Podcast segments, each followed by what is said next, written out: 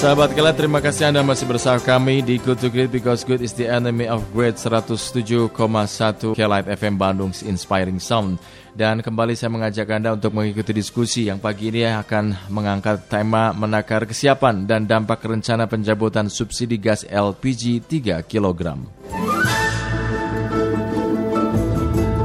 Kementerian Energi dan Sumber Daya Mineral atau SDM merencanakan untuk mencabut subsidi LPG 3 kg di pertengahan tahun ini. Subsidi nantinya tidak akan diberikan ke komoditas tetapi subsidi langsung ke warga yang membutuhkan. Nah, dengan tidak adanya subsidi pemerintah, maka harga gas melon yang di pasaran saat ini berada di kisaran harga kisaran 18.000 sampai 21.000 rupiah akan naik menjadi 35.000 rupiah. Sekian SDM Ego Syahrial mengungkapkan pencabutan subsidi gas ini dilakukan untuk melakukan penghematan anggaran subsidi yang cukup besar. Pemerintah sendiri masih menggodok mekanisme penyaluran subsidi gas 3 kg agar tepat sasaran. Ekonom Institute for Development of Economic and Finance Indef Ahmad Heri Firdaus menilai pencabutan subsidi gas melon bisa menyebabkan kenaikan inflasi.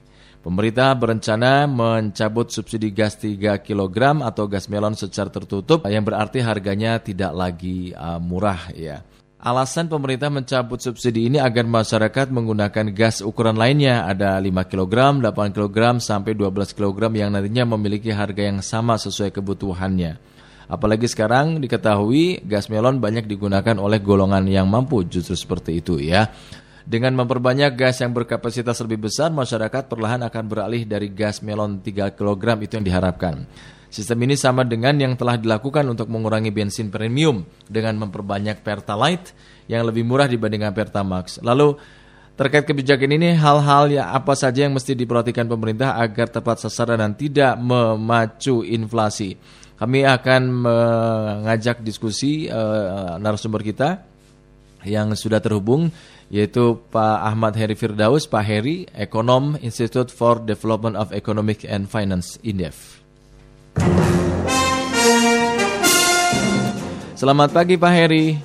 Selamat pagi. Apa kabar Pak Heri? Baik, alhamdulillah sehat. Pak Heri, ini pemerintah melalui Kementerian SDM akan cabut subsidi LPG 3 kg pertengahan tahun ini ya Pak Heri ya. Uh, ya. Ini kan subsidi sudah tidak lagi diberikan ke komoditas tapi langsung ke warga yang membutuhkan. Gimana uh, tanggapan Anda Pak Heri? Ya, jadi uh, pertama uh, kita melihat dari belanja anggaran subsidi energi di tahun 2020 ya di hmm. APBN. Hmm. Memang belanja energi apa sorry subsidi energi uh, untuk APBN 2020 ini ditargetkan memang mengalami penurunan hmm. ya. Hmm. Uh, khususnya uh, subsidi untuk BBM dan LPG hmm. gitu. Dari yang semula di tahun lalu itu mencapai 90 triliun Hmm. Uh, kemudian turun di tahun ini menjadi 70 triliun. Hmm. Nah, artinya ada uh, pengurangan subsidi. Nah, ini membuat konsekuensi bahwa nanti uh, penerima subsidi uh, LPG khususnya ini akan uh, berkurang penerimanya gitu ya. Yeah. Akan ada yang menjadi tidak dapat. Hmm. Tapi uh, yang memang seharusnya dapat ya dia akan tetap dapat. Yeah. Gitu. Nah, jadi memang uh, kalau kata-kata mencabut mungkin itu kurang tepat ya, tapi mungkin hmm. mengurangi. Mengurangi. Karena kita berangkat dari data makronya dulu, uh, di mana subsidi LPG ini di APBN 2020 ini emang berkurang gitu. Okay. Okay. Nah, sehingga nanti uh, ada yang tidak mendapat subsidi lagi gitu. Hmm. Nah, lantas seperti apa mekanismenya? Yeah. Apakah uh, subsidi itu diberikan secara langsung dan tertutup kepada mereka yang berhak ataukah uh, harga gas LPG 3 kg ini memang dibedakan ya menjadi beberapa segmen pasar gitu. Artinya memang skemanya ini masih uh, digodok oleh pemerintah mekanismenya seperti apa agar uh, kebijakan ini menjadi efektif dan tepat sasaran kan seperti itu yeah. tanpa membuat inflasi menjadi lebih tinggi gitu kan. Mm. Nah inilah yang perlu diperhatikan oleh pemerintah bagaimana persiapannya mulai uh, apa mengenai pendataannya gitu ya atau bahkan mungkin bisa bekerja sama dengan uh, kementerian lembaga terkait yang menangani uh, masyarakat golongan uh, miskin dan rentan miskin karena mereka punya datanya gitu kan nah apakah akan bekerja sama seperti itu atau seperti apa nah Tapi kan pada prinsipnya adalah kita setuju semua bahwa yang namanya subsidi itu harus uh, semakin tepat sasaran. Yeah. Gitu karena belanja-belanja uh, pemerintah lainnya yang dipergunakan untuk hal-hal produktif itu kan semakin diperlukan ya untuk belanja infrastruktur, belanja untuk peningkatan uh, kapasitas SDM ya, pendidikan, kesehatan segala macam ini memang harus ditingkatkan sehingga belanja subsidi yang sifatnya konsumtif ini harus semakin diefisienkan, semakin lebih tepat sasaran gitu dan semakin uh, apa namanya transparan lah setidaknya mengenai penerimanya itu yang berhak siapa dan yang memang tidak berhak siapa. Nah inilah yang harus di uh, godok oleh pemerintah. Jangan sampai nanti ada masyarakat yang memang dia harusnya berhak mendapat subsidi menjadi tidak mendapat. Nah inilah yang uh, perlu diperhatikan. Gitu. Ya, ini yang jadi persoalan ya dari ya. dulu ketika bicara soal bagaimana subsidi ini bisa diterima oleh mereka yang membutuhkan. Nah, e, artinya ketika kita bicara tadi diberikan pilihannya apakah subsidi ini diberikan secara langsung tertutup atau harga dibedakan. Yang dimaksudkan dengan secara tertutup seperti apa ya, Pak Eri? Ya, mungkin e, apa subsidinya langsung diberikan kepada masyarakat e, miskin dan rentan miskin dalam bentuk katakanlah voucher. Oke. Okay. Gitu. Voucher dalam bentuk uh, mungkin uh, kartu dalam kartu itu ada vouchernya. Nanti ketika mereka uh, membeli gas LPG ya uh, apa sudah di apa harganya sudah uh, menjadi lebih murah karena dapat bantuan voucher itu misalnya.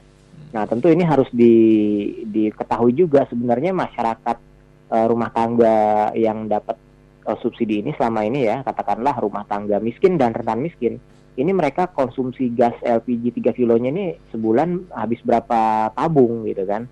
Yeah. Jangan sampai nanti beli sebanyak-banyaknya tabung terus dapat uh, subsidi terus kan? Tentu kan ini harus semakin dikendalikan.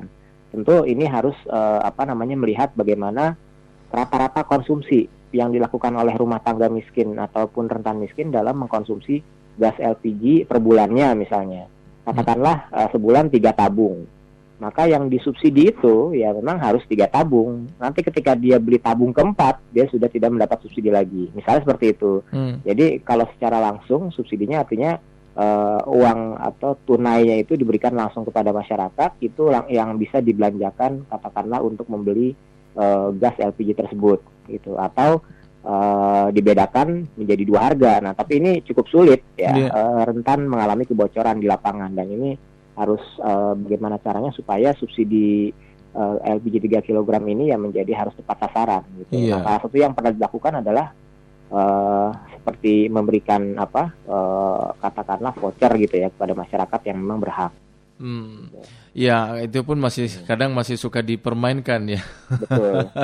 Pak Heri ini kan terkait kebijakan ya. ini kan. Ya, jadi hal-hal apa yang mesti diperhatikan oleh pemerintah supaya tidak menimbulkan uh, ekses gitu lah dampak misalkan kenaikan harga di masyarakat dan juga memicu ya. inflasi gitu Pak Eri.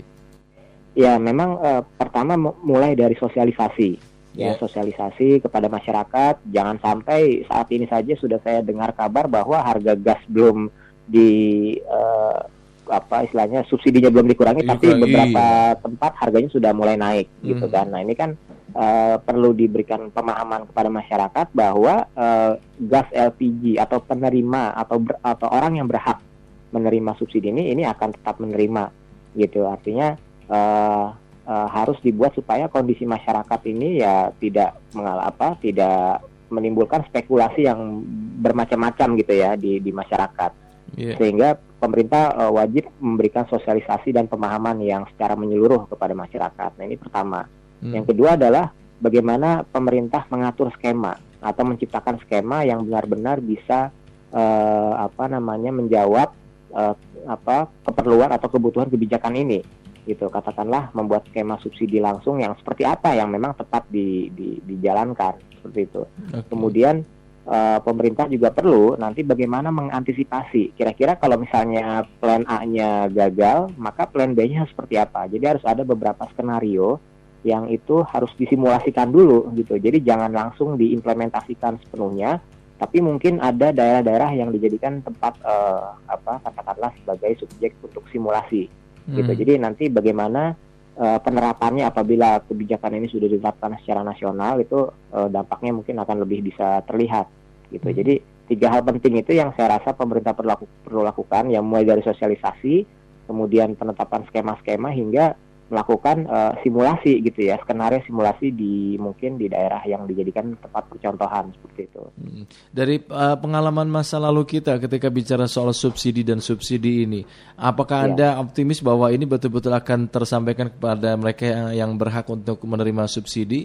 sehingga tidak tadi ya apa apa harga-harga kenaikan harga dan akhirnya memacu inflasi gitu? Ya kalau dari tataran uh, kita lihat dari aspek pusat gitu ya, artinya ke, uh, uh, tingkat pusat mungkin uh, eh, APBN ini kan memang di, semakin di, didesain atau posturnya didesain lebih mendorong uh, kegiatan belanja produktif sehingga belanja konsumtif uh, ataupun subsidi gitu ya katakanlah ini memang harus semakin efisien, semakin terkendali, semakin lebih tepat sasaran.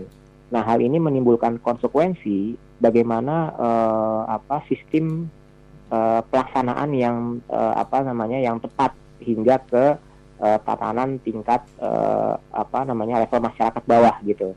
Nah inilah yang di awal-awal sering kali terjadi chaos. Katakanlah uh, tidak tepat sasaran atau katakanlah orang yang berhak menerima dia tidak menerima. Nah hal ini yang uh, apa tantangan pemerintah khususnya dalam jangka pendek bagaimana supaya hal-hal seperti itu tidak terjadi lagi. Seperti uh, katakanlah uh, apa namanya ketika uh, listrik itu ya yeah. Iya. uh, listrik subsidi listrik mungkin waktu itu dicabut ya sehingga hmm. uh, menimbulkan kenaikan harga pada yang golongan uh, menengah atas tapi hmm. katakanlah bagi yang uh, memang masih berhak menerima ya mungkin masih bisa menerima ya kemudian uh, apa skema subsidi pangan mungkin ya yang pernah dilakukan nah ini kan uh, perlu bagaimana caranya uh, jangan sampai meskipun ini masih di awal-awal jangan sampai ada terjadi kesalahan di tingkat lapangan hmm, bagaimana yeah. nanti ketika uh, subsidi katakanlah uh, penerapan kebijakan pengurangan subsidi gas ini dilaksanakan, diimplementasikan, jangan sampai masyarakat yang memang sebenarnya membutuhkan ini menjadi tidak dapat gitu hmm. sehingga komplain di tingkat bawah. Nah inilah yang di, perlu dihindari. Uh, oleh sebab itu beberapa plan, beberapa skenario pilihan uh, kebijakan ini perlu di, disimulasikan terlebih dahulu uh, supaya bisa mengantisipasi hal-hal yang memang uh, apa namanya bisa terjadi di lapangan. Baik. Atau misalnya dengan skema lain ya, tadi hmm. memberikan contoh seperti penerapan harga uh, apa gas itu hmm. ya dibuat uh, atau didiversifikasi menjadi berapa macam. Ada tabung 12 kilo, 8 kilo, 5 kilo. Ya, sehingga nanti ada pergeseran hmm. dari masyarakat yang selama ini menggunakan 3 kilo dia mau naik ke uh, 5 kilo. Ini hal ini bisa diadopsi dari skema apa BBM ya ketika yeah. itu hanya ada Pertamax dan Premium sehingga lagnya itu terlalu jauh dan Pertamina di situ membuat uh, produk antaranya. Gitu. Light ya, baik. Hmm. Pak Heri terima kasih atas waktu okay. Anda Pak Heri. Selamat Sama. pagi, sukses untuk Anda. Selamat pagi, Ayo, ya. ya. Demikian sahabat kelat ekonom Institute for Development of Economic and Finance in, atau Indef Ahmad Heri Firdaus. Good to Great. Good to Great.